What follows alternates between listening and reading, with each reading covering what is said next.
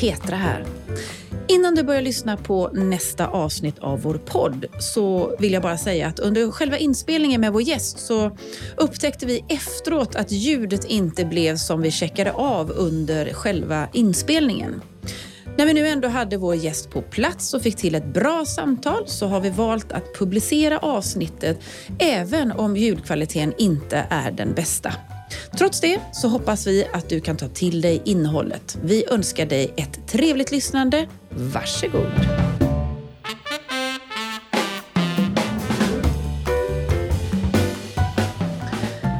Hej och eh, varmt välkomna till Styrelsesnack med Malin och Petra. Hej Malin!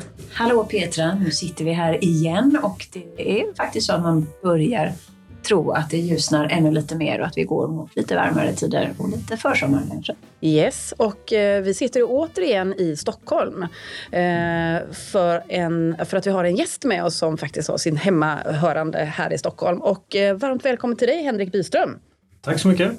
Och eh, varmt välkommen till alla lyssnare som är nyfikna på det här med styrelsearbete och bolagsstyrning och vill berika sina tankar och sitt arbete. Eh, och där vi då bjuder in gäster med intressanta, eh, lite mer djupare kompetenser inom vissa områden. Och Henrik, jag tänker så här att eh, för att lyssnarna ska förstå varför vi har bjudit in dig eh, och vad, det, vad, vad är din kompetens och din bakgrund, om du kort skulle kunna beskriva lite grann vem, vem du är och vad, vad du är kunnig på. Mm, ja, men absolut.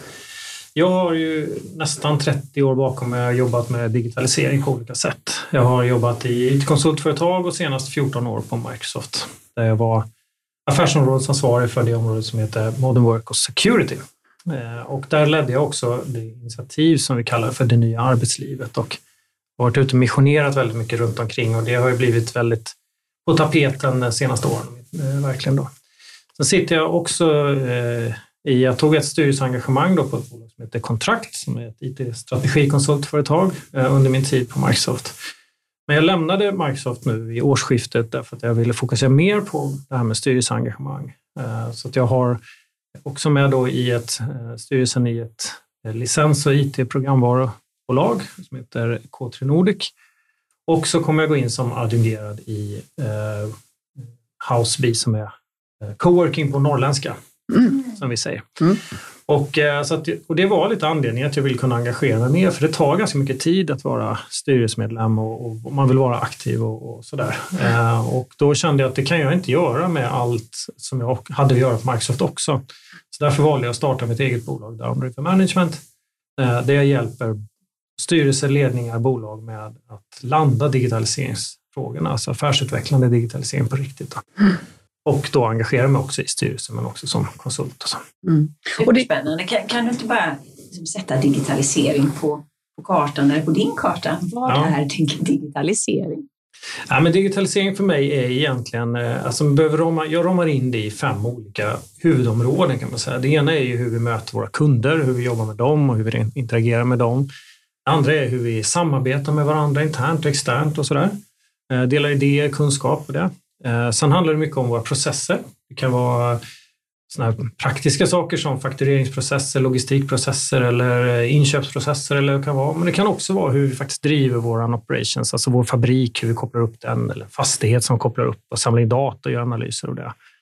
Och när vi gör alla de här sakerna tillsammans så uppstår också nya idéer och möjligheter som blir affärsutvecklande. Eh, och sen som ram på hela det här så har vi ju säkerhetsfrågan, att ju mer vi kopplar upp, desto mer måste vi också skydda oss då, eh, för vi blir mer utsatta för risk. Så att det är egentligen en, en, ram för mig. Så egentligen handlar det väldigt mycket om affärsutveckling, verksamhetsutveckling, men där vi använder digitaliseringen som redskap. Eh, det som har hänt nu då, eller egentligen alltid har varit så, är att teknik och digitalisering har varit väldigt högt upp på agendan. Men idag upplever jag att i stort sett varenda styrelse, varenda ledning har det här som en toppfråga. Eh, något som också bekräftas av Gartner och andra såna eh, analysinstitut. Då. Eh, men jag upplever att man har lite svårt att, att landa det här. Liksom. Vad betyder det för oss egentligen då? Och så blir det lätt en teknikfråga. Att man köper in en ny teknik eller sådär. Det är inte digitalisering för mig, utan det är ett redskap. Så Men om man, om man ska hjälpa liksom ändå styrelser då att bli bättre på att jobba med den frågan och få um, lite mer uh, kopplat till liksom affärsutveckling och det affärsstrategiska. Så. Uh, var är det någonstans vi liksom, märker du att vi har utmaningar? Vad är, det? Är, det, är det på kunskapssidan eller alltså, vad, vad är det som brister egentligen som du ser? Det, det är många saker. Alltså det som man säger, I styrelsen så är ju ofta, eh, kan det ju vara en kompetensfråga så att säga. Eh, sen så får man ju också ha respekt för att en styrelse har ju en begränsat med tid. Man ses ett visst antal gånger per år och man har otroligt många andra frågor som man också jobbar med. Eh, liksom kring bolagets hur det sköts med allmänhet och hållbarhet och risker och alla möjliga saker som man ska liksom fokusera på också. Så att, där måste man ju ha respekt för att man har en begränsad tid att sätta sig in i det. Så det som blir viktigt för styrelsen är egentligen att se hur ser vår digitaliseringsagenda ut? Att man kan ställa rätt frågor, att man kan förstå vad den här är och att den ligger i linje med den affärsutveckling som vi vill göra. Och den här kopplingen upplever jag saknas ofta. Eh, jag träffade ett bolag där det stod tydligt inskrivet i, i liksom direktiven att man, den strategiska planen stod att digitalisering är viktigt för oss. Eh, och sen så sa den här vdn som jag träffade då, så att ja, så därför har vi funderat på att skaffa sådana här blippar. Och det var någon sorts blippar då som liksom kunderna skulle kunna gå runt och köpa prylar med liksom, i, i, när de rörde sig i kundens miljö. Och då tänkte jag så här, men frågan hur kom du fram till det? Att det var just blipparna som ni skulle ha? Ehm, ja, vadå, det, då kan ju kunderna göra det här, det här, det här. Så här, ja, vad leder det till då? Liksom? Eh, jo, men då kan vi öka vår försäljning här och sådär. Och, jaha, och kunderna blir nöjda. Så, okay. så jag tolkar det som att organisk tillväxt är viktig för er. Liksom. Och bibehålla nöjda kunder och få fler kunder. Är, är det liksom viktigt? Så här, ja, precis. Och då kom ni fram till att de här blipparna är det som kan tillföra starkast värde för er av alla olika lösningar som finns där ute. Och då sa han att ah, okej, okay, jag, jag, förstår hur du menar. Liksom. Vi måste börja i en annan ände. Och det är precis det som är för mig, att vi måste liksom förankra in i den strategiska planen. Vad är det vi vill åstadkomma? Organisk tillväxt, högsta kvaliteten på marknaden, begränsade kostnader, optimering av produktionen eller vad det nu kan vara för förvärv eller vad står det i den här? Och så behöver vi då förankra liksom digitaliseringen emot de här målen. Och vägen dit tror jag går genom att man frågar dem som kan mest om verksamheten, det vill säga medarbetarna. De som är ute och gör jobbet hela tiden. Eh, och om vi frågar dem vad det är som påverkar dem mest i sin vardag. Vad är det som tar mest tid? Vad är det som skulle kunna effektivisera mer? Vad är det som skapar frustration? Vad ser de för möjligheter? Vad är det kunderna säger när de möter dem? Och så vidare. Och så vidare. Får vi in den här kunskapen och sen kan då mappa mot de här strategiska målen, då kan vi se här borde vi liksom undersöka digitaliseringen, alltså teknikfrågorna. Då kan vi titta på vad har vi då som kan möta det här och på vilket sätt skulle det göras på bästa mm. sätt. Jag ser lite framför mig, här, bara en spaning för att testa med er, er båda där. Eh, om, om, man tänker sig den här klassiska SWOT-matrisen, styrkor, svagheter, möjligheter och hot, där ju digitalisering, om man gör den enkelt, brukar hamna i någon av kvadranterna. Mm. Men om man gör en SWOT bara utifrån digitalisering, då får man lite djupare svar. Det är egentligen det du säger. Ja, på något sätt så jag har faktiskt inte tänkt på det på det sättet, men det är en bra beskrivning. Jag tror att man kan göra det, absolut. Alltså, absolut. Men, men jag skulle vilja börja eh, sortera ut i liksom lite olika eh, delar av verksamheten. Då. För, för du hänvisar till direktiv. Då tänker jag ägardirektiv till ja, exempel. Ägardirektiv, strategisk plan. Ja. Men om vi säger så att vi i styrelsen ändå arbetar för, på ägarnas direktiv och vad ägarviljan då. Eh, så. Och då har vi ju kanske ägare som inte själva är så bevandrade i kanske eh, framtiden, eh, vad som finns möjligt och så. Utan, så, så där börjar ju också någon form av höjd i insikten av vad det här faktiskt skulle kunna handla om och skapa för möjligheter. Vi har en styrelse som då, eh, om man då har en ägarkollektiv som inte kanske har den höjden, kanske behöver utmana ägarna och därmed ha liksom den kunskapen i styrelsen. Eh, och så fortsätter ju det liksom i ett vd-skap, ett ledningsgruppskap eh, och, och, och chefskap och till varje medarbetare. Så alltså, hur kan vi liksom på alla de här nivåerna, om vi börjar uppe med ägarna, hur kan en styrelse hjälpa ägare att förstå vikten av eh, digitalisering ur det långa strategiska perspektivet? För det är ju där det liksom lite börjar innan vi börjar jobba med, med de strategiska planerna, tänker jag. Jag tänker att ägarna har ju i, sitt direktiv satt upp någon form av förväntningar på vad de vill ska hända i bolaget. De mm. vill att det ska vara en viss tillväxt, en viss lönsamhet, det ska skötas på ett hållbart sätt och vi ska ta hand om våra medarbetare, vad det nu kan stå i mm. det här ägardirektivet.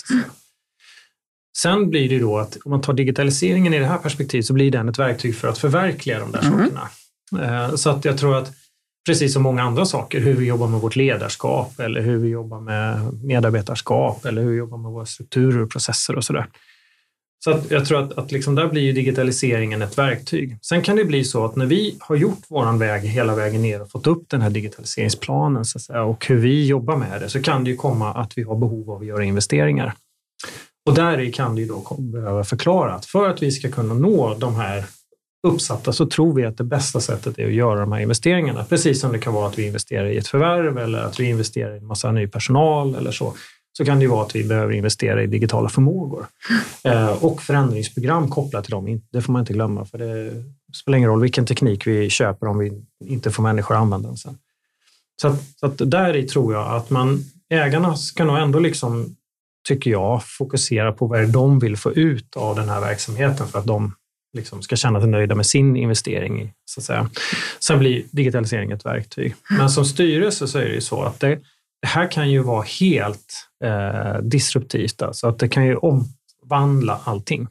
Gör vi det här helt rätt så kan vi få ett enormt försprång. Gör vi det istället inte rätt så kan vi halka hopplöst efter. Eh, och så kan vi också naturligtvis följa med strömmen. Eh, så att jag tror att i det här så, så eh, tror jag att de ska väl också kanske titta lite grann på risker eh, mot befintliga affärsmodeller och sådana saker så att ägarna förstår det. Men det är ju andra sidan styrelsens mm. som ska stödja, tycker jag, ägarna i, i att få den förståelsen. Det är därför de tar in oss. Mm.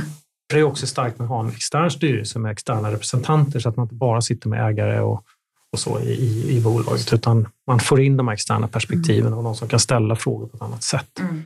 Men, jag tänker också då, eh, klurigheten då i sedan liksom att, att man har det på agendan, man, man förstår att det här är viktigt för oss, eh, men man har en rullande affär. Eh, man kanske inte lika, eh, vad ska man säga, att det är inte lika, man, alltså, vikt, alltså man uppfattar inte sense of urgency i att vi behöver göra någonting. Man förstår att vi ska göra någonting, men vet inte riktigt när investeringen ska göras och tiden ska tas.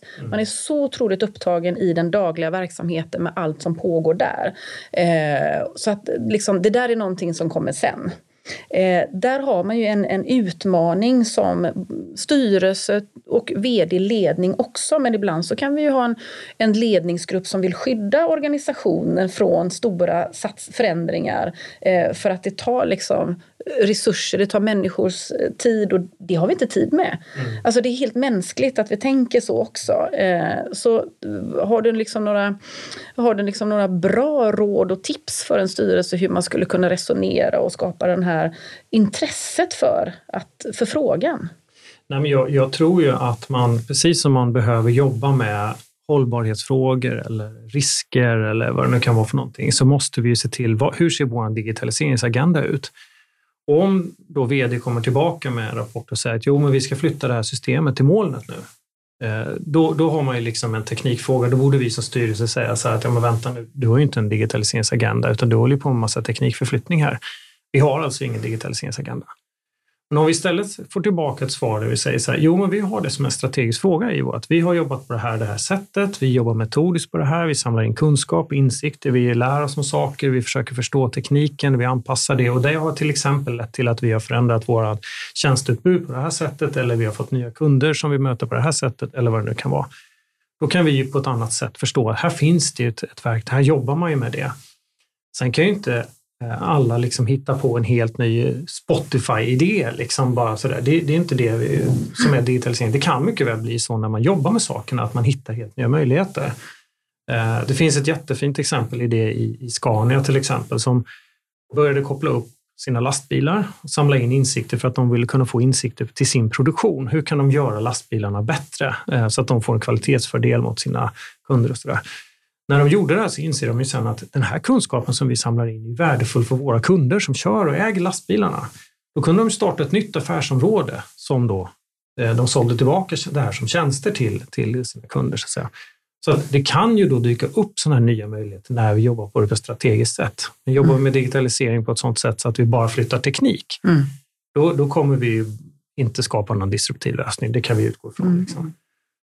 Det kan vi, för jag tycker att det är intressant att fundera en del på, på kompetensfrågor. Mm. Eh, alltså, och det finns ju lite olika tankar um, som har fördelar och nackdelar naturligtvis. Men om vi börjar, jag, jag tänker att man kan prata lite grann om, om nödvändig kompetens i bolaget, men om vi börjar i styrelserummet.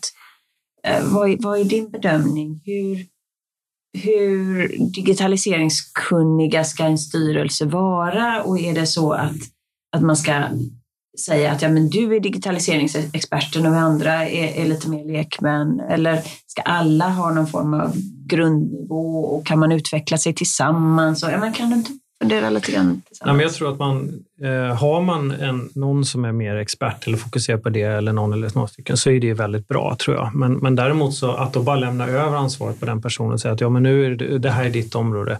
Det är ungefär som hållbarhet. Det, det är mm. jättebra att ha en person som är superduktig på hållbarhet och är insatt i det. Men vi måste ju alla förstå det och förstå hur vi ska ställa frågor och sådär. Alla måste ju inte vara experter på digitalisering, men, men vi behöver kunna förstå att ställa frågor. Uh, och vi behöver förstå vår egen inkompetens eller och vi vill ha en nyfikenhet så att vi förstår hur skulle man kunna göra det här på andra sätt? Finns det digitala verktyg? Hur ser planen ut? Hur jobbar vi med det här på ett affärsutvecklande sätt? Så att vi liksom får med det här så att vi kan liksom förstå att här är vi på. Vi ligger nog ganska bra till här. Mm. Eh, det tycker jag att man kan förvänta sig och att, det finns en nyfikenhet. Eh, men, men att alla ska vara digitaliseringsexperter, det, det tycker jag inte man ska förvänta sig av en styrelse. Så kan man lära tillsammans, man kan kalla in en person som, som du då till exempel. Ja, absolut. För att lyfta nivån på hela styrelsen. Och det är till exempel därför en del väljer att, att jag bjuder in mig i en styrelse, att jag är med i en styrelse. Men man kan också ta in experter på till exempel vissa möten. Om man då ska prata om digitalisering så kan man ta in någon som man har förtroende för under det mötet till exempel. Eller, eller man kanske jobbar med någon form av utskott eller liksom att man, experterna från bolaget kommer in. Men, men det tänker jag, utskott är ju ganska, vi har ju pratat med det, om det med andra gäster också, att det är ett bra verktyg när man mm. kanske lite grann behöver fördjupa och bredda frågan och där man behöver liksom kanske ha flera olika typer av kompetenser som, som möts. Mm. Eh, både från det egna bolaget, kanske från styrelsen men också experter utifrån så att man liksom eh, har en, en, ett utskott eller en arbetsgrupp som fördjupar sig i frågan och hjälper hela bolaget men också styrelsen i de mer komplexa frågorna som är mycket svårare för, för all, hela styrelsen som plenum att sätta sig in i, tänker jag. Har du varit med om en sån där in, vad heter det, digitaliseringsutskott eller? Ja, men om, man, om man då tittar också på den här kompetensfrågan, om man tittar väldigt brett på det så kan man säga så här att vi har, vi har ju bolag i alla storlekar och de allra, allra största de har ju tusentals människor i sina IT-avdelningar och de har konsulter en masse som de kan som jobbar med strategier och så där. Så att för en styrelse i ett sådant bolag så kan de ju, de har ju förmodligen någon sån här CDO eller något som kan komma upp då och dra planen och de kan liksom Eh, sådär. Å andra sidan kan man säga att det inte är särskilt svårt för en CDO att prata om kullens styrelse om man inte liksom, så att, Därför tror jag att, att det, det, är viktigt att man har förmågan att sätta sig på den här eh, månfria höjden och försöka lyssna, kunna ställa frågor och läsa mellan raderna. Vad är det som egentligen sägs? Tar vi istället det mindre bolaget, då kan det ofta vara så att det kanske är vd själv som har hand om det där som vi brukar kalla för, den ofrivilliga IT-chefen. Mm. Ja, men du är ekonomichef, du får också ta IT. Liksom. Mm. Eh, och det kan också vara i vissa fall så kanske man har en IT-chef, men då är den ofta kanske ganska tekniskt upptagen av att se till att vi får nya datorer och vi ska rulla ut Teams och nu måste vi migrera det här systemet. Och så. Det blir den typen av frågor och, och den har inte den här strategiska höjden.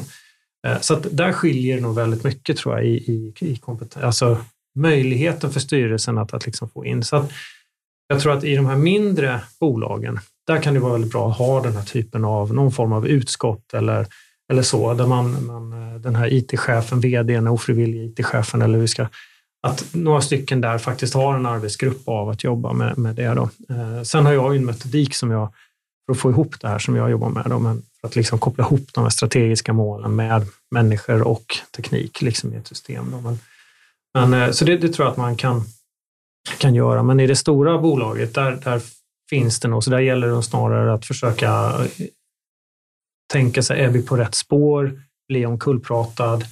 Gör vi rätt investeringar och sånt där? För där finns det väldigt, väldigt mycket kompetens. Och det är en första fråga egentligen här. Att, att, är det här för oss ett sätt att på ett bättre sätt, på olika sätt möta våra kunder? Så att det finns ett värde i det, så att det inte bara är lite system. Ja, det, det, det, det, är naturligtvis ett utifrån in-perspektiv ja. som är, det, är ju det centrala, kunderna ska bli nöjda. Men, men samtidigt så var det som jag träffade ett bolag, de jobbar ju väldigt mycket med, med offentlig upphandling till exempel, tog sina kunder den vägen. Det innebär ju att kunderna för dem, det handlar om att de svarar på upphandlingar, vinner uppdragen och sen så möter de kunden när de gör sitt jobb. Mm. Medan för en, eh, ett, ett, mer säljande bolag, ett produktbolag, så där, då blir ju den här frågan naturligtvis jätteviktig, liksom hur vi möter kunderna. Men frågan är, är det den viktigaste?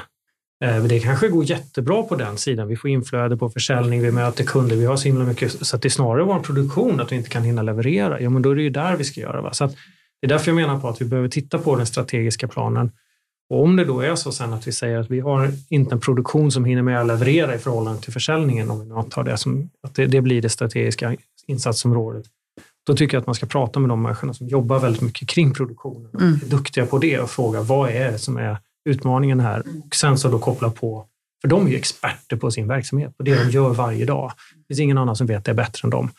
Men de kan kanske inte någonting, det kan man inte förvänta sig heller, att de kan någonting om digitalisering. Men man kan ju upplysa dem om vad digitalisering kan göra och vad det skulle kunna vara så att de själva kan börja få idéer och sådär.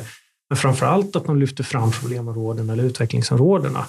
Då kan vi som är, lite mer duktiga på eh, digitalisering sen säga så här, hm, det här har ni i det där systemet som ni redan har köpt. Vi fixar till det. Liksom. Eller här behöver ni få utbildning. Eller här behöver vi faktiskt köpa in nya grejer. Liksom. Men, men det, eh, så att man kopplar det mot det där. Men det här liksom lite mer också laborativa, det vill säga liksom, en sak är ju att titta på det som kanske kan eh, göras i det som vi har för, framför näsan. Eh, men det här som ligger lite längre fram, det här som kanske lite mer det experimentella, liksom att laborera lite och så.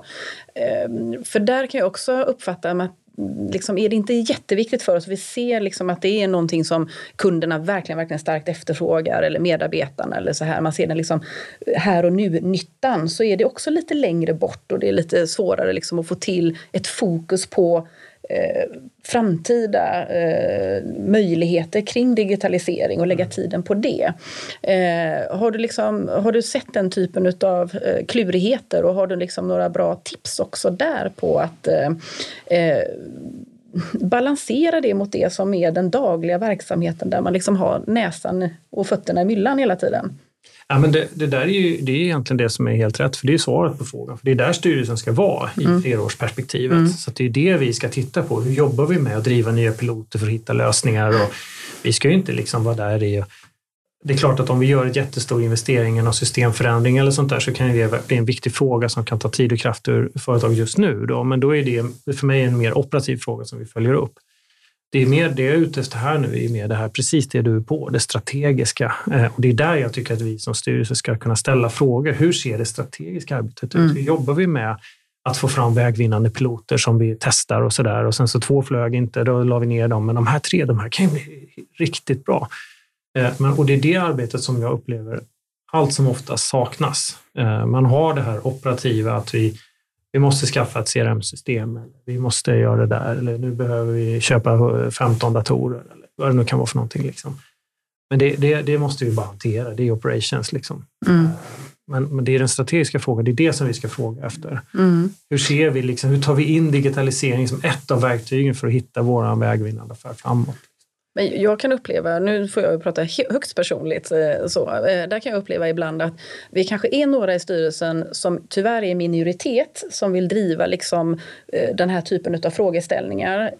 Och sedan så har vi en, en operationell ledning som lite grann vill ibland hålla styrelsen på en armlängds avstånd med att säga så här, men nu har vi implementerat ett system för att effektivisera. Nu, har vi liksom, nu, nu får de hålla sig lite lugna där borta när det gäller digitaliseringsfrågan eller teknikfrågan. Eh, för att inte liksom, eh, jobba med det mer innovativa och det mer utvecklande för att de tycker att det kan vara en börda. Så ibland kan jag känna att jag inte liksom får riktigt gehör för eh, att vi kanske behöver prata om framtiden och ägna tid åt precis det du beskriver. Och sen en annan sak. Vad tror du det beror på? Eh, men jag tror att man är så... Eh, att man, man är trött på det sättet att det går fort. Det är väldigt komplext.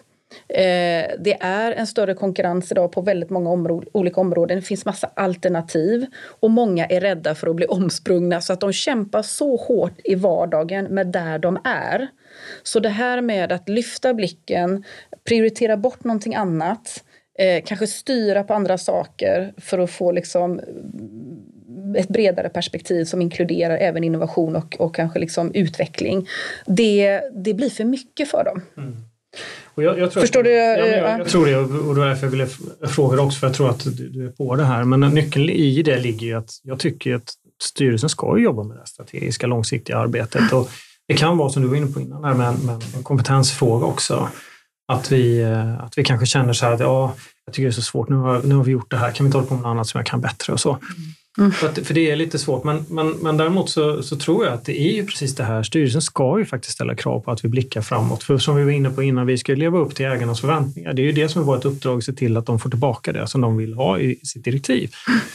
Och om vi då bortser från eller tycker att det är för jobbigt med att liksom vara framåtblickande eh, och, och, att använda digitalisering som ett av verktygen för att vara framåtblickande, så, så då tror jag att man går lite snett där. Alltså. Mm. jag tror att vi får aldrig bli trötta på att vara innovativa eller framåtblickande, för det då går vi ju snett. Va? Mm. Då, står, då, kommer vi ju, då kommer vi inte vara tillväxtbolag, då är vi ju någon form av förvaltningsbolag och det kan ju vara helt okej. Okay. Både jag och Malin räcker upp handen här nu. Får jag bara lite grann koppla tillbaka? Men jag, då tänker jag bara så här att ibland så upplever jag också då att vi har styrelseledamöter som mer har jobbat med befintlig affär, alltså förfina det man redan har. Och alla har inte riktigt eh, verktygen, erfarenheten och kanske ibland, eh, vi utövar ju ett kollektivt ledarskap också. Hur hjälper jag en organisation som aldrig har jobbat med innovation och utveckling? Om du eh, lite grann förstår vad jag menar. Eh, så där behöver ju vi vara mer tränade i att leda och styra de här mekanismerna för att hjälpa bolaget också. Mm. Eh, det är bara min reflektion det här, liksom, att ibland är vi inte tränade Nej. i det. Och jag tror ju att man, det man behöver göra är att få till en, en innovationsprocess på ett tydligt sätt här, som är kopplad just till de strategiska planen som vi har. Om vi utgår från att det är organisk tillväxt som vi vill ha nu. Då skickar vi det tillbaka till vd och säger att vi vill ha organisk tillväxt på det här sättet och, och, och beskriv för oss hur det kommer ske här. Det vd då med fördel kan göra är ju som vi var inne på, fråga medarbetarna som är närmast. Eh, genom att till exempel skicka ut en enkät då, som vi har ett, ett verktyg som man tar fram. Och så får man upp insikter om, här har vi den digitala mognaden. Sen kan vi också mäta kulturen och se hur är kulturen i organisationen? Hur mår vi? Är vi en lärande organisation? Är vi på ny, nyfikna? Ha ett bra teamsamarbete, hjälper varandra och alla, alla sådana saker som ligger i kulturen. Och koppla ihop de här. Och då kan vi liksom se att vi behöver ha, vi hittar vissa investeringsområden och vi behöver jobba med kulturen för att folk ska bidra med sina idéer. Och sen får vi coacha då ledarna, se till att ledarna aktivt i en kontinuerlig process jobbar med att tanka ur medarbetarna. Vad är det som är de största utmaningarna just nu i vår vardag? Och om de då sen blir inspirerade av att digitalisering kan ju vara ett sätt eh, på hur man nu kan coacha, det finns en massa olika sätt att coacha dem på, så kan de ju säga så här att här, här skulle vi kunna ta fram och då blir det ju inte det att innovation är någonting krångligt och det är framåt, nu ska vi sätta igång en stor process och projekt, utan det där ligger ju i vardagen. Vid några av våra teammöten lite då och då så coachar chefen kring att se vad kan du göra annorlunda? Liksom. Lite som den gamla lintanken på något sätt. Mm. Mm. Och det, det, ehm, det tycker jag är en bra förklaring. Jag sitter också och funderar på hur vi... Ehm, vi, vi har ju pratat mycket om omvärldsbevakning och, och även benchmarking, att jämföra sig med andra. Eh, och ibland kan jag känna att liksom hela digitaliseringsområdet, vi har hajpat det rätt så mycket. Vi har ibland gjort det mer komplicerat än vad det är, för det handlar ju om att, att göra affären bättre genom att använda moderna verktyg och mm. möjligheter. Och då skulle jag ju, och, och, och ska jag känna och tro att både styrelse och ledning ibland faktiskt inte har alltså är lite oroliga för att blotta någon form av okunskap, så, så kunde man då få lite jämförelsetal och lite benchmark att säga att ja, men här är världsklass, det är inte vi. Och det kan man ju få i så många andra mm. områden. Mm. Vi kan få det en assessment på sustainability och på finansiell information är mm. jättelätt. men här, men, men då har du lite... Ja, ja precis. Vi har ett verktyg som man kan ja. faktiskt göra en sån, mäta den här digitala mognaden. Men jag, på det temat att, att det blir lite svårt och sådär också, där får man ju faktiskt eh, också skylla oss i branschen, IT-branschen om jag talar för alla oss nu. Vi har ju varit väldigt duktiga på att behålla myten om den här mm. vita rocken och stå bakom den tejpade linjen och, och ge det inte in här, det är för svårt för dig och så här, lämna det till oss och så. Va? Och vilket då världen utanför vår lilla interna grupp här har ju då känt så här att ja, det orkar inte prata om, det blir bara krångligt, det blir bara jobbigt. Så här. Och här, så här har vi ju en, en, en brygga i kulturen som vi behöver få bort. Va? Och nu då efter liksom det som hände kanske slutet av 90-talet, början 2000 var ju att IT-avdelningarna började ju på olika sätt att säga så här, men vänta nu, vi, vi håller ju på att bli, det är ingen som vill vara med oss. Liksom. För vi upplevs som tråkiga och svåra, liksom. så då försökte man hitta olika sätt att sätta in representanter i verksamhetsgrupperna så där, som skulle kunna lyssna in på vad är de egentligen vill ha. För förut så var ju IT drivet av oss. Vi hittade ju massa cool teknik och så rullade vi ut den så nu får ni, nu ska ni använda det här. Va? Det som händer nu istället då, är att nu är det ju verksamheterna, eftersom det är så krångligt att jobba med de här IT-avdelningarna, om jag nu talar för oss då i kollektiv här, det finns jättemånga jättefina, jätteduktiga IT-avdelningar, men om jag tar kollektiv, så är det ju så att väldigt många av de stora investeringarna och tillväxten av IT-investeringarna sker från verksamhetsorienterad IT idag. Så att man köper in det direkt ifrån det man vill ha och det man behöver, eh, därför att man blir approcherad och, och läst på och så vidare. Eh, vilket i sin tur skapar ytterligare lucka. Då här, Så att det här behöver vi liksom brygga ihop och det är därför jag tror att om vi kan jobba med det utifrån en, en naturlig innovationsprocess av hur vi kan förbättra oss långsiktigt. Eh, och det gör ju också då att det här ska vi då inte ägna oss åt, eller vi ska ju ägna oss åt det varje dag i vår tanke och ha det på näthinnan, men det är inte så att vi ska bara ägna oss åt det här. Vi har en daglig verksamhet att sköta. Men istället för att bara tänka så här att åh gud vad det här är frustrerande. Det blir alltid så här och de lastar alltid lastbilarna där borta. Varför gör de det? Ta upp det istället och säg så här, jag ser ett problem här. Liksom. Skulle vi kunna fixa det på något bättre sätt? Så ja, vi skulle kunna kommunicera med lastbilen innan den kommer hit så att den landar på rätt ställe. Ja, det är inget svårt. Ja, det låter så lätt när du säger det.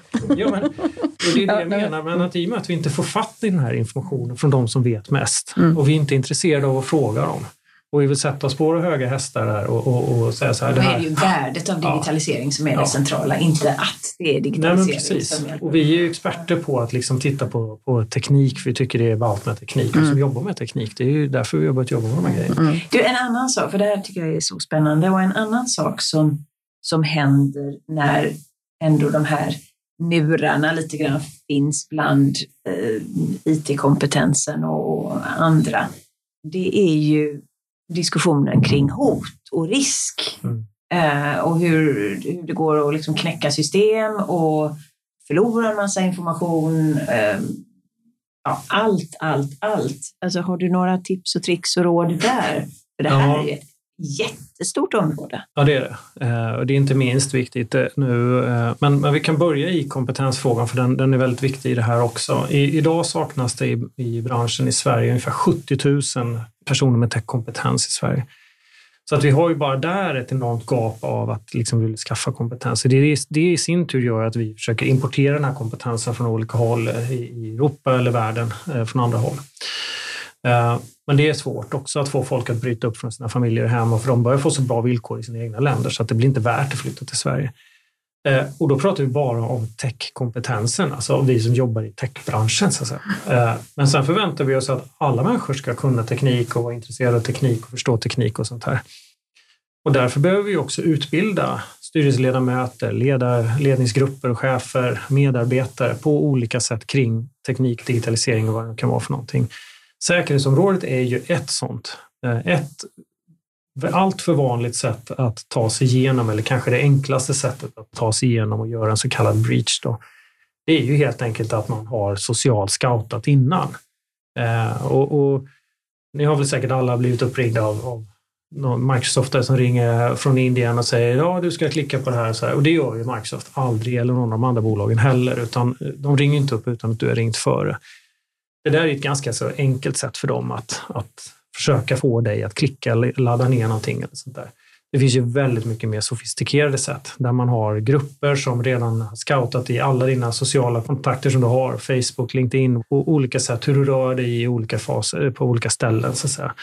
Och så får de en kunskap om vem du är. Så när de ringer upp dig eller tar kontakt med dig via ett mejl eller hur det nu är, så är de väldigt sofistikerade och trovärdiga. Eh, inte minst kan man ju se på de här mejlen som kommer, phishing-mejl. De är fantastiskt välgjorda alltså. Eh, och man måste vara ganska kunnig då för att förstå att jag ska titta på hur länken är skriven innan jag klickar, om jag känner mig misstänksam och så här, är det lite, inte lite dålig svenska här och så där. Men det här kan vi utbilda folk i att förstå. Eh, och det är ju ett väldigt starkt steg till att skydda sig då. Att vi har utbildade medarbetare. Sen behöver vi också ha teknik bakom.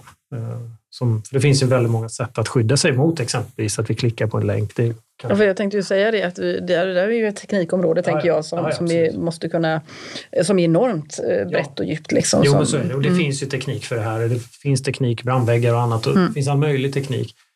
Eh, men du är helt rätt i att ju mer vi kopplar upp, desto mer sårbara blir vi. Och eh, de cyberkriminella är väldigt opportunistiska. Det finns otroligt mycket pengar att hämta. Eh, det är snabba pengar och det är relativt enk mycket enklare, svår risk, att, eller inte så lätt för dem att bli upptäckta eller gripna. Liksom att, sådär. Så risken jämfört med att råna någon på gatan är ju... Är ju ja, och sen är det väl också skämseffekten av det hela. Mm. Det, det, är ju också en nästan filosofisk fråga om man som som företag som har blivit utsatt för någonting, ska man prata om det publikt ja. eller ska man inte prata om det? Vi har ju sett ett antal sådana exempel där det faktiskt har hjälpt omvärlden att ett företag säger att det här råkar vi ut för och, och mm. vi, vi klickade på länken. Eller att mm. jag som individ i ett bolag inser att ja, men det är klart att jag, jag var ju för stressad, jag skulle ju inte ha klickat på länken men det är lika bra att säga någonting, det är nog ingen mm. som märker det. Så att det är ju till skillnad från om någon slår ner en på gatan då man ringer polisen. Ja, nej, men det finns ju stor stigma runt det och det finns också en, en här får man väl också titta på värderingar och så för att det kan ju vara varumärkesskadande mm. och sådär som man upplever. Å andra sidan så kan det ju vara varumärkesstärkande också om man går ut och säger att, att vi, det här hände oss, vi har nu agerat på det, mm. Eh, vi har den här planen. Och det är någonting som man också i all, allt väsentligt kan ta med i sin riskanalys innan. Att säga mm. det. Vad är, hur ser vår eh, process ut för att skydda oss vid ett eventuellt intrång? Mm. För vi kan utgå från allihop att förr eller senare så kommer ett intrång. Det, liksom, är de inte redan där så kommer de brytas in. Mm. Det går liksom inte att skydda sig, men vi kan skydda oss för att vad som händer, vad vi vet, minska skadan, hur vi kan agera när det väl händer. Uh, och att sådär. Så att, och där kan man absolut ta hjälp av duktiga experter. Det finns väldigt mycket duktigt folk här ute som kan de här sakerna, som vet precis hur de här cyberkriminella jobbar. Eh, jag tänker att det är lite olika nivåer också, för jag tänker de riktigt små företagen, de inbillar ju sig oftast kanske att nej, men vi är inte intressanta för cyberkriminella, så att vi, vi kanske är 10, 15, 20, 30 anställda. Eh, vi behöver liksom kanske inte ha en lika stark eh, säkerhet. Liksom mm. så. Hur, har du liksom någon, någon, statistik eller någon hum om liksom hur det där fördelas? Är man mest ute efter de kanske lite mer stora varumärken, namnkunniga, på en viss storleksnivå på bolag eller är det liksom rätt över hela linjen? Det här är ju rätt organiserade kriminella i flera lager. Mm. Så du har en grupp som liksom gör den här scoutningen innan själva phishingen mm. så att de vet hur man ska göra där. Sen har du de som tar sig in Mm. Och sen då säljer de eh, det här vidare till varandra. Va? Och sen så nu, nu har vi sålt en breach här, så nu kan ni ta vidare. Sen är det någon som trycker på knappen liksom, och säger nu har vi låst ner allting. Eh, och begär pengar och så vidare. Så de, de där sker i lager och de är ju precis som alla företag. Vissa riktar sig mot småföretag, vissa riktar sig mot storföretag och så där. Så, att, så att de är ju organiserade kriminella. Mm. det man kan tänka där är väl att för det första så behöver det inte vara särskilt dyrt att köpa sig det här grundläggande skyddet. Eh, och den andra delen är ju att man faktiskt har gjort sin riskanalys och säger så här, om någon låser ner allt som vi har, vi kan inte komma åt någon information, någon data, hur stor konsekvens blir det för oss? Eh, och vad gör vi då? Hur snabbt kan vi vara igång? Eh, liksom. eh, och då kan man ju faktiskt minimera den risken och säga så här, vi är, vi är nog rätt intressanta ändå mm. faktiskt, mm. för att vi, vi kan inte bedriva vår verksamhet om inte vi har våra system igång. Eller det funkar alldeles utmärkt för oss att bedriva vår verksamhet ändå och då, då har vi minskat den risken. Så, så det där kan man ju göra som en av sina riskanalyser tycker jag. Då. Mm. Eh, och eh, där ligger ju också det här så att man istället för att bara göra en åsiktsbaserad beslut här säga så här, ah, det, det blir nog inte så intressant. Va?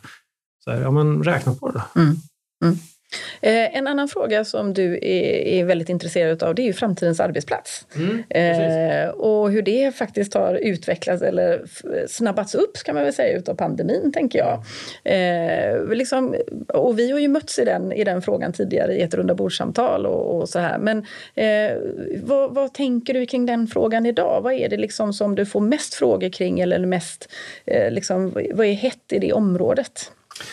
Ja, men det som är hett just nu är ju hur ska vi agera nu eh, när vi ska leva efter pandemin i en hybridvärld?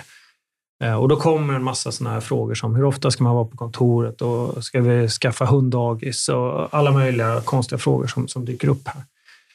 Och Det som kan vara intressant är ju att backa tillbaka lite här. Det här att hela den här frågan är egentligen inte ny. Eh, på Microsoft så tog vi beslutet om en hybridarbetsplats 2012 eh, när vi byggde om vårt kontor till ett aktivitetsbaserat kontor.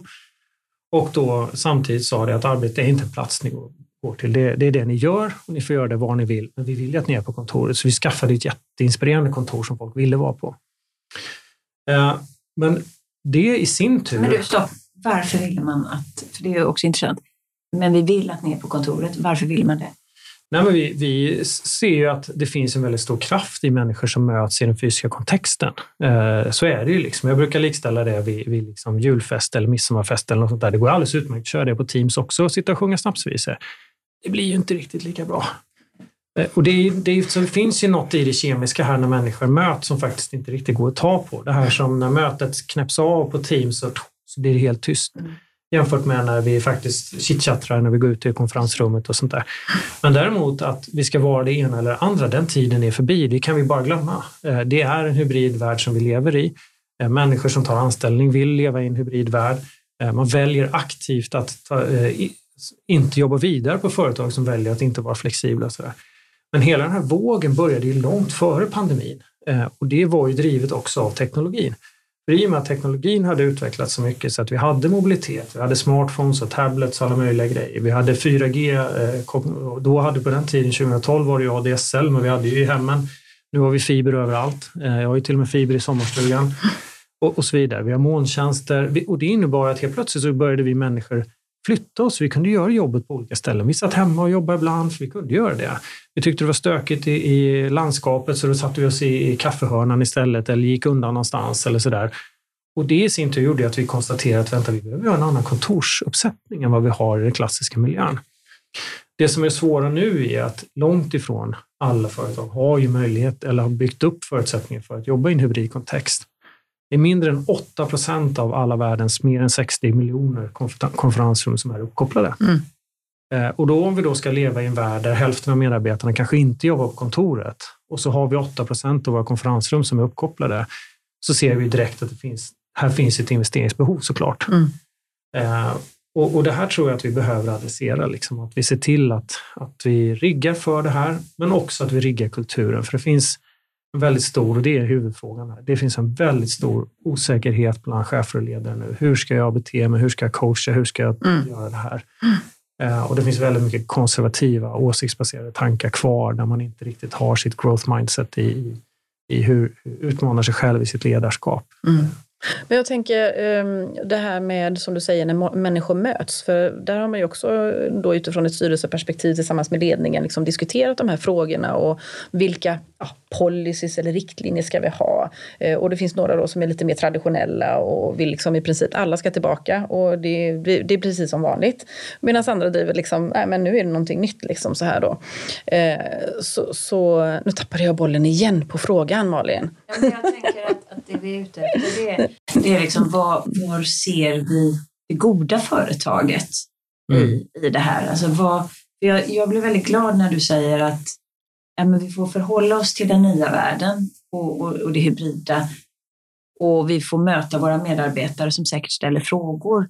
Men vi ska vara så inspirerande på arbetsplatsen så att där mm. det ska finnas ett mervärde att faktiskt gå till, till kontoret. Ja, och det, jag tycker så här, platsen är ett av de verktyg som vi har. Men vi har kört fast i att vi liksom stirrar oss så blind på platsen. Hur ofta ska vi använda platsen? Hur ska, vi, hur ska den se ut? Var ska vi vi, vi fokuserar så mycket på platsen och inte på liksom det arbete och resultat som vi vill åstadkomma. Det här skapar också väldigt stora möjligheter stora företag som till exempel eh, då expanderar och har flera orter därför att man har kunder som finns över, de finns i Umeå och i Sundsvall och i Åre och vad det kan vara för någonting. Ja, då kanske man köper in sig i en, en, en, eh, en coworking-yta i Houseby till exempel då för att ha det. Och då kan man också plötsligt rekrytera talang därifrån, liksom, vilket har gjort, skapat väldigt nya möjligheter. För de får en plats att hänga på där de hänger i företaget fastän de hänger i en ny kontext. Annars hade vi riggat oss fast vid det här kontoret. Så att jag tror att vi ska liksom gå bort ifrån det här med att bara fokusera så mycket på platsen och fokusera på vad vi vill åstadkomma och hur får vi det på bästa gjort och hur ser vi till att vi får de, de, det arbetssättet att ske. På Microsoft så har vi ju medarbetare, när jag slutade där så var det medarbetare som bodde i Helsingborg, de bodde i Örebro, de bodde i Gävle, de bodde i Strängnäs, de bodde överallt. Liksom. Eh, när jag började på Microsoft så bodde alla i Stockholm. Eh, så, att, så att det här har ju skapat liksom förutsättningar för oss att rekrytera mm. talang på ett helt annat sätt. Och så. Och sen stirrar vi oss lite blinda vid den här kontorsplatsen också. Om vi vänder blicken lite och tänker på folk som är lite mer globala. Väldigt många företag är globala. De jobbar redan distribuerat idag. Mm. Liksom. En del företag idag är ju helt digitala när de startar. De, de har kanske inget kontor eller de hyr in sin in coworking space eller så. Så att, att jag tror att man, man liksom, istället för att stirra sig blind på platsen så ska man nog fundera snarare på hur får vi vårt samarbete att funka? Uh, och jag, menar, jag hade ju ett fantastiskt samarbete med människor i Västeuropa som jag överhuvudtaget aldrig såg. Så vi hade en fantastisk kultur, vi skojade, hade kul och sådär. Men, men liksom, så när vi väl såg så fick chansen så var det jätteroligt. Liksom. Mm. Jag har två spaningar på det som, som du gärna får liksom reflektera över. Och det ena är att, att, en spaning jag har fått genom och efter pandemin, Eh, om vi nu är igenom den, eh, det är ju att det är inte minst de yngre medarbetarna, de som vi då egentligen tror är mer digitala, eh, som behöver platsen och sammanhanget och, och verkligen fysiskt nästan frotteras med andra. Det är den ena spaningen. Och den andra spaningen, och det har jag eh, lyssnat och lärt av en av dina tidigare kollegor på Microsoft som, som också konstaterat att när vi är mer digitala, alltså mer på avstånd, då blir vi också det här kanske icke-svenska, det mer amerikanska eh, i vårt sätt att följa upp. Alltså du får dina mätetal på ett annat sätt. Du, du måste också lära dig att följa upp medarbetare som är med på distans. Ja, men precis. Det, vi kan ta båda mm. mm. punkterna där. Men du, du har helt rätt i, i att de yngre har upplevt det här med att bara sitta hemma eh, som svårare. De har velat vara på kontoret och det är inte så konstigt egentligen. De bor trängre. Eh, de, har, de har också ett behov av att lära av oss som är äldre och faktiskt se, jaha, nu Henrik han gör så där nu i det här kundmötet, han rör sig på det här sättet. Han nu, de lär sig av oss på, och, som är äldre genom att faktiskt se hur vi gör. Eh, och de, de behöver mera socialt de, behöver, de har inga nätverk som vi har på samma sätt. De har ju, en del vet ju knappt hur det är att jobba. Man har lämnat in en expensrapport. Liksom.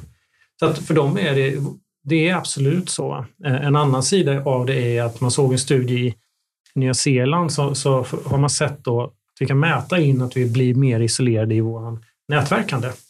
Så att Nya Zeeland har ju öppnat och stängt och öppnat och stängt under eh, pandemin i flera vågor. Liksom. Och då kan man faktiskt se att när samhället öppnar och släpper ut folk så ökar vårt antal externa kontakter utanför det närmsta teamet. Mm. Vilket i sin tur bringar tillbaka till det vi pratade om innan med, med innovation. Att, att, när människor av olika kompetenser och insikter möts kring med, med engagemang runt ett område så, så uppstår ju nya idéer. Eh, och om vi då inte gör det när vi sitter isolerade, så det är någonting som vi måste adressera också. Va? Eh, så så är det. Och sen hur vi möter och följer upp och så där, det är det som gör att vi också får trygghet i att vi faktiskt kan leverera det värde och resultat som vi ska. Som vi börjar med, vi ska leverera värde till ägarna. Och det gör vi i det dagliga. Eh, och där tror jag att man behöver fokusera på vilka aktiviteter är det som i sin tur leder till det här mm. resultatet. Jo, men då gör vi en plan för det. Jag tänker att om vi gör precis som en idrottsman, kvinna, säger att om jag gör alla de här grejerna så förhoppningsvis vinner jag oskuld där borta. På samma sätt gör vi då och på vägen har vi olika mätepunkter som vi tittar, kikar in på. Ja, men försäljningen går som det ska. Eh, vi har fått in så här många nya kunder eller nu har vi så här mycket marketing reach eller vad det nu kan vara för någonting som vi, vi mäter och följer upp på, på vägen. Liksom. Eh, men egentligen är det aktiviteterna som leder till de här resultaten. Eh, och det är det här som jag tror är det nya sättet vi behöver jobba med som chefer och ledare. Att vi, vi förstår planen som medarbetaren har. Vi coachar för det är också att vi kan ju behöva hjälpa dem att ta fram planen ibland. Ibland är de jätteerfarna. Men att ta fram en plan, förstå planen, tro på den planen, följa upp planen. Liksom.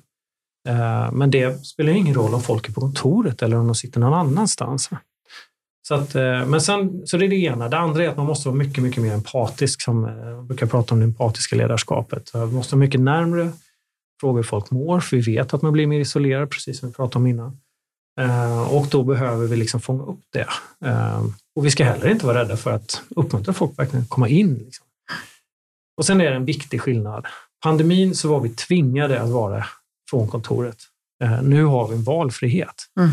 Eh, och jag tycker vi ska värna den valfriheten och stötta folk i att kunna välja den valfriheten. Det, uppskattar folk. Eh, och då, genom att de får förtroende för att göra sitt arbete på sitt sätt och vi följer upp dem och vi känner trygghet i att resultatet kommer. Men det kommer också göra att har vi en fantastisk arbetsplats, kontor, så vill ju folk vara där. Man vill ju träffa sina kollegor, gå och käka lunch, fika, hänga med dem. Liksom sådär. Eh, och i en fin miljö kanske alltihopa, som du har alla de här möjligheterna för att jobba med folk som inte är där. Jag tänker, du var inne på det här med kultur. Eh, och eh, vet man någonting om eh, liksom kulturbyggandet utifrån ett digitaliseringsperspektiv? Eh, du säger att du liksom eh, samarbetar med personer från andra länder som du aldrig har träffat och, det, och liksom ni byggde en kultur där, säger du. Vi som då har umgåtts innan och blev då tvingade till ett, att vara ifrån varandra och där liksom arbetsgivaren sen, för det var den bollen jag tappade innan då, det här med eh, kulturbyggande insatser eller möten, alltså fysiska möten. Och sen där, där många pratar om det här med kreativa möten, alltså att kreativiteten eh, jag förstår att det finns teknik som hjälper till i, i kreativitet men många upplever att när vi ses så kan vi liksom an, ha flera dimensioner av kreativiteten som vi gärna vill fånga upp av att vi ses. Mm. Alltså, har, har, du några tankar kring det eller finns det liksom några har vi lärt oss någonting kring, kring de bitarna? Ja, absolut. Och jag, jag tror så här att kulturen är, den sker ju i vardagen oavsett om vi gör någonting eller mm. inte, så mm. kommer den ju skapas. Mm. Men vi kan ju skapa oss själva en, en, en fördel genom att vi sätter oss i förarsätet eh, och faktiskt lyssnar, lär, pratar om de här grejerna. Vi tar vad man brukar prata om, ett snacket i laget. Eh, faktiskt. Att vi pratar om sakerna. Hur upplever du det? Så där, varför vill du jobba hemma så mycket? Och varför vill du vara på kontoret? Jaha, nu förstår jag och då förstår varför du vill att du ska vara inne på kontoret. Jaha, då förstår jag varför du är borta. Och då får vi det här snacket och det är ju också, då bygger vi kultur. Men sen kan vi nog lära rätt mycket av konsultbranschen som har hållit på med det här i, i alla tider. Mm. Och jag pratade med eh, Micke Tornving som är ju för, officer också. Han berättade det här med distansledarskap. Det har de ägnat sig åt i Försvarsmakten i alla tider. De har gett folk en uppgift och sen har de skickat iväg dem ut på fältet och sen har de sett resultatet. Så att vi kan ju lära av de branscherna som har varit det. Och efter att ha varit tidigare i mitt liv i konsultbranschen så är ju det en av de stora utmaningarna. Hur får man konsulten att vara lojal till dig som arbetsgivare och inte till kunden? Va? Eh, och då har man jobbat mycket med teammöten, aktiviteter på olika sätt och vara nära. Man får ju prata med, med medarbetarna, se till att de trivs, att de mår bra, att de får utbildning, kompetens, allting. Man är nära helt enkelt. Och det där är ju det som kanske vi uppstår inför för alla nu. För man kan ju se att lojaliteten kan ju bli utmanad. Om du sitter och gör en massa saker framför din dator så ringer någon och säger så här, du kan göra exakt samma saker på, på en annan dator eh, och då får du 10 000 mer lön. Så bara, Åh, varför inte? Liksom. Mm. Så, att, så att det är klart att vi måste jobba med det här och det är det jag menar också med det här empatiska, att vara mycket närmre i ledarskapet, att lyssna, lära, ta inspiration. Och då kan du ju faktiskt gå tillbaka till det vi pratade om innan och driva innovation och fråga folk vad är det som gör skillnad i din vardag det är ju också ett sätt att skapa engagemang för dem. Då får de känna att det är någon som lyssnar på mig. Och då tänker jag att då kommer vi lite tillbaka till styrelserummet. Mycket mm. av det här är ju faktiskt, och det, mm. att det har vi ju alla sett, bara, alltså, är det här någonting som styrelsen överhuvudtaget ska lägga sig i? Mm. När vi kommer dit till att det handlar om kulturen och förståelsen, då är det lättare att ställa lite kontrollfrågor hur det egentligen mm. fungerar. För annars, och det som landar på styrelsens bord, det är ju om det är strömavhopp, att mm. folk lämnar och då förstår man att det är någonting i kulturen. Men det här som man ändå har förstått har funnits i vissa bolag, att, att styrelsen ombeds att skriva på en policy att mm. arbete ska ske från kontoret. Uh, jag tror man går väldigt snett där. Och, och här, jag, alltså alla de här åsiktsbaserade besluten att nej, två dagar i mm. veckan, tisdag, torsdag, så här, det räcker med att ja, men jag ska träffa en kund på torsdag, ska inte jag göra det då? Jo, det är klart ska. Liksom. Ja, där föll hela den planen. Va? Så att, Jag tror att det där tror jag att, utan det man vill göra är ju att man vill, naturligtvis ska vi följa alla arbetsmiljöregler som finns, de med tjänsteställebegrepp och andra sådana saker som, som är också en faktor i det här. Men sen så ska vi ju följa upp, som du är inne på, vi ska följa upp kulturen, engagemanget, hur jobbar vi med att få folk? Sen om de är på kontoret eller inte, kontoret är ett verktyg. Vi ska ju verka för att de ska vilja vara där. Vi ska ju vara ett sånt attraktivt kontor så att de vill vara där. Mm. Men återigen så behöver ju inte kontoret vara ett kontor. Vi kan ju faktiskt ha hubbar då på olika ställen, som Spotify som har valt till exempel att sätta, säga så här, ni, vi har ett kontrakt, ni kan få sitta i Åre hela säsongen om ni vill, ni som gillar att åka skidor. Så här, åk upp och sätt er där då. Mm.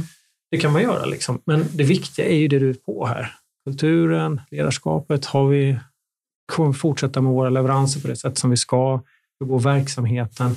Det är det vi ska göra. Sen liksom, att det här skyddar sig bakom ett åsiktsbaserat beslut för att jag själv känner det. Då borde jag snarare gå in i mig själv och fråga varför känner jag så här? Vad är det som jag är otrygg med, osäker på? Varför har jag inte ett growth mindset här? Hur kan jag få det? Mm. Eh, någonting som, som, eh, om vi går tillbaka till styrelserummet då, det gäller väl även i andra liksom, mötesformer. Eh, och det här med hybridmöten och det här med att eh, vi kallar till ett styrelsemöte. Eh, ordföranden eh, bestämmer att det ska vara fysiskt. Och så en halvtimme innan mötet eh, äger rum så hör en ledamot av sig och säger så här, du jag hinner inte till styrelsemöte fysiskt, jag får ta det liksom eh, digitalt. Eh, är ju en, och jag tänker att det händer ju även i den, liksom, den dagliga verksamheten. Eh, utmaningen då med att ha några i rummet och eh, liksom digitalt med sig. Jag förstår att det liksom tarvar på ordförandens, liksom, hur man leder mötet och så också naturligtvis. Det är lätt att glömma av de som är på distans och mm. bara fokusera på de rösterna som finns i, i styrelserummet tänker jag. Men, men ser du liksom några ten, tendenser där, trender där eller hur kan vi förhålla oss till ja, den frågan? Ja, men jag tror att man ska, på samma sätt som i ett operativt team så ska vi i styrelsen prata om hur, hur vill vi bete oss, hur, hur jobbar vi med det? Liksom. Mm. Och får man förhinder och inte kan vara med så får man väl prata med, med ordföranden och säga att jag, jag får inte till min agenda här. Mm. Ska vi flytta mötet eller okej okay att jag är med på distans? Hur vi leder att vi behöver jobba i den här hybrida kontexten, det är ju en förändring som vi nu gör. Då. Eh, alla har inte varit med om det så länge. Eh, vi andra kommer att lära oss då, men då är det viktigt att vi pratar om det. Då kanske man ska då efter mötet ha en kort utvärdering. Hur tycker ni mötet var idag? Hur funkade det när vi hade vissa på distans? Funkade tekniken inte? Och sådär då. Eh, och sen så får man ju komma överens om i vissa styrelser kanske det funkar alldeles utmärkt att bara ha teamsmöten, vad vet jag. Och vissa kanske tycker att vi vill bara vara, vi vill ses, för då vi ses så sällan så då kan vi gott ses när vi ses. Och vissa har en blandning. Det får man ju prata om. Hur funkar det i vår styrelse? Precis som jag tycker man ska göra i det operativa i varje företag.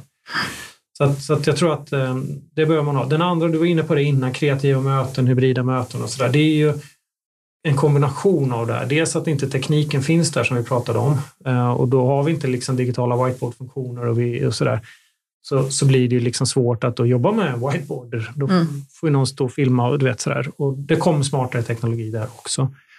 Men tills vidare så är det så att vi behöver ha den tekniken till att börja med. Men sen måste vi också lära oss använda den och det, det tar ju också sin tid och då är vi tillbaka på utbildningsfrågan, att vi kanske behöver lära oss de här sakerna. Och så får vi inte glömma att ting tar tid. Det kanske får ta lite tid nu då när mm. vi anpassar oss då efter det här nya, för det är en stor förändring. Förändring gör ont, eh, men det blir bättre sen. Liksom. Mm. Som Leif Denti sa här i en podd nyligen, han är forskare på Göteborg. Och jag tycker att det, det, är ett bra begrepp också att ha med sig. Och då kan vi faktiskt jobba med det här utvärderingsbegreppet eller verktyget under tiden. Vad har vi lärt oss idag? Hur gör vi bättre nästa gång? Mm. Så. Mm. Och spaningar framåt då, som du ser, eh, givet liksom din erfarenhet där du står, där du jobbar eh, och kanske förhålla sig det till, till eh, att hjälpa oss i styrelser och ha lite pejling på området digitalisering. Vad... Ja. men om vi börjar då i, i själva digitaliseringen som helhet då, så det jag uppmuntrar är ju att man faktiskt försöker fråga i styr, från styrelsen, hur ser vår digitalis strategiska digitaliseringsagenda ut? Eh, att vi ställer en sån fråga och får tillbaka då, det kan vi ta då på ett kommande möte hur långt fram som helst, liksom när de känner att de är redo från det operativa att, att rapportera det. Då. Eh, där finns det då verktyg som man kan ta hjälp av. Den ska ju, digitaliseringen ska ju då förankras mot de här strategiska målen som vi gör och hur jobbar vi med att få in digitalisering som ett verktyg här liksom, i, i det dagliga för varje medarbetare där ute. Det är det ena. Ja, då kan man jobba med att göra sådana här mätningar då, så att man mäter den digitala mognaden och kulturen och slår ihop det. Det andra är ju, eh, om vi tittar tendensen framåt kring hybridarbetslivet, så, där, så det, det, att hybridarbetslivet är här för stan, det får vi nog bara ta för givet. Eh, och då måste vi försöka verkligen utmana oss själva i att, att eh, vara dynamiska och, och, våga lära oss av någonting nytt. För det enda jag kan garantera är att vi är bara på början på resan. Förändringen har aldrig gått så här långsamt som det gör just nu. Det kan vi utgå ifrån. Och jag har ju själv sett eh, organisationer som redan nu gör eh, metaverse-upplevelser i möten där de har onboardingprocesser för med, nya medarbetare i någon form av metaverse-liknande miljö. Så att ni kan ju tänka er hur vi kommer att ha våra styrelsemöten när vi sitter i metaverse här om några år. Så, så att det är klart att det kommer ju förändras. Att då begränsa sig i sina lite konservativa åsikter blir lite tokigt tror jag. Va? Man, eh, våga hela tiden utmana sig själva och våga lära nytt hela tiden. Mm. Det, är liksom, vi måste ha ett livslångt lärande. Mm. Tänk på lite cybersecurity i det. Så att ja, precis. Jo, men det är faktiskt så. Faktiskt. Ta med det som är en risk på riskagendan. Att, eh, hur ser hur skyddar vi oss mot cyberintrång? Men, men jag har och dataläckage också inte minst. Mm. GDPR. Jag har en avslutande fråga, om inte du har mer frågor Malin. Eh, och det är också det här att om vi nu liksom, eh, är lite nyfikna, om vi inte liksom är inom gebitet och området men ändå vill liksom vara lite generell i vår omvärldsspaning eh, i ett svenskt företag som styrelsearbetare. Vilka källor tycker du att vi ska eh, hämta hem liksom, de här stora penseldragen inom digitalisering och ha med oss och spana på? Finns det liksom några sådana källor eller ja. organisationer eller ja, vad det, det nu kan vara för någonting? Det finns ju lite olika då. Om man vill ha lite mer grova penseldrag så kan ju sådana analysinstitut som Gartner eller vi har Svenska Radar eh, som jag tycker är väldigt bra. De gör väldigt mycket sådana eh, Radar Research de gör väldigt mycket sådana eh, rapporter på olika sätt mm. som, som jag tycker brukar vara väldigt läsvärda. Så det finns ju den typen av mer strategiska dokument. Harvard Business Review gör ju mycket spännande också man kan, kan läsa. Men sen så kan man ju faktiskt, eh, antingen kan man ju naturligtvis anlita det av någon som, som faktiskt kan ta reda på det som, som jag gör åt kunder. Men man kan också då annars gräva själv och kolla vad skriver de stora techbolagen på sina bloggar och, och sånt här. Då. Eh, då kan man ju liksom få insikter i. Och sen kan man ju faktiskt också ta eh, och, och, som en förberedelse inför ett styrelsemöte till exempel och se så här, om det är något särskilt som man funderar på. Eh, säkerheten till exempel eller innovation eller logistik eller vad det kan vara för något, så kan man ju köra lite olika Google-sökningar och sätta sig ner en timme eller två och bara se vad händer då. Man söker på digitalisering och logistik till exempel och så ganska snabbt har man fått en hel del kunskap och insikter och så kan man ju börja ta de bara artiklar som är från 2020 och framåt i alla fall. Så det går rätt fort så att det är ingen idé att läsa det som är från 2017. Mm. Men det, går, det, går så, det går, har aldrig gått så långsamt som du sa alldeles nyss. Ja, ja. exakt så. Ja. För förändringen har, går aldrig gå så här långsamt. Nej, nej, för det är ju också en liksom, sån här... Accelererad förändringstakt. Ja, ja. Nej, men för de allra flesta säger det går så fort ja. hela tiden. Men, men, ja. Jo, men det är ju det, det går så fort, men mm. förändringen går långsamt. Nej, ja, men, exakt. Mot hur den kommer ja. vara framåt. Mm, det är det jag menar. Mm, eh, exakt. För frågar du dina föräldrar så kommer de säga att ni har så bråttom och du kommer säga samma sak, barnen, mm. och de kommer säga till sina barn. Mm. Det går bara fortare och fortare. Är det något mer medskick nu som vi har missat? För det här är ju ett väldigt stort område som du tänker så här, när du, innan du kom hit, liksom, det här är någonting jag gärna skulle förmedla som vi har tappat här i våra frågor och funderingar. Nej, det har varit ett väldigt spännande samtal. Och jag, det jag tycker framför allt är bara att gå inte i fällan av att börja, titta, bara tänka tekniska lösningar. Eh, så här, AI, det är häftigt. Liksom. Så här, visst, det kan vara ett jätteintressant område att läsa på, utan det som styrelsens uppgift är att se hur, är hur använder vi digitalisering i den strategiska agendan. Det är där jag tycker att vi ska prata i styrelserummet. Då. Ehm, och då måste vi ju ställa de frågorna. De frågor som vi ställer till ledningen är de vi kommer få svar på. Det är det som de kommer sätta fokus på också. Mm. Så att om vi ställer en sån fråga, då kommer de ju börja jobba fram en sån plan. Liksom. Och då kan vi utifrån det sen se hur blir vi bättre, hur tar vi det vidare. Mm. Härligt Malin! Eh, nu har vi lyft eh, kunskapsnivån och insiktsnivån när det gäller digitalisering. Eh, har du någon mer fråga så Malin? Eller känner ja, du att du är... frågor men jag har fått väldigt många svar och inspel att tänka vidare på. Mm, mm. Så att jag, jag tycker verkligen en stort tack för att du tog dig tid att vara här idag med oss. Och, och lycka till då med, med din nya fortsatta karriär i det här. Så att jag tycker nog Petra att vi vi tar med oss det här. Det är ett ämne, ämne och område som vi kommer att komma tillbaka till eh, på olika sätt. Eh, jag tänker också att jag tog med mig det här med att, att digitalisering är inte hokus pokus utan också att det ska vara sätt att öka kundvärde och öka lönsamhet och, och det finns mycket kompetens och den kan man dra på eh, där ute. Så att, eh, supertack! Mm. Tusen tack Henrik! Tack själva! Och så tackar vi våra lyssnare och tack Malin! Tack Peter! Hej då! Hej då!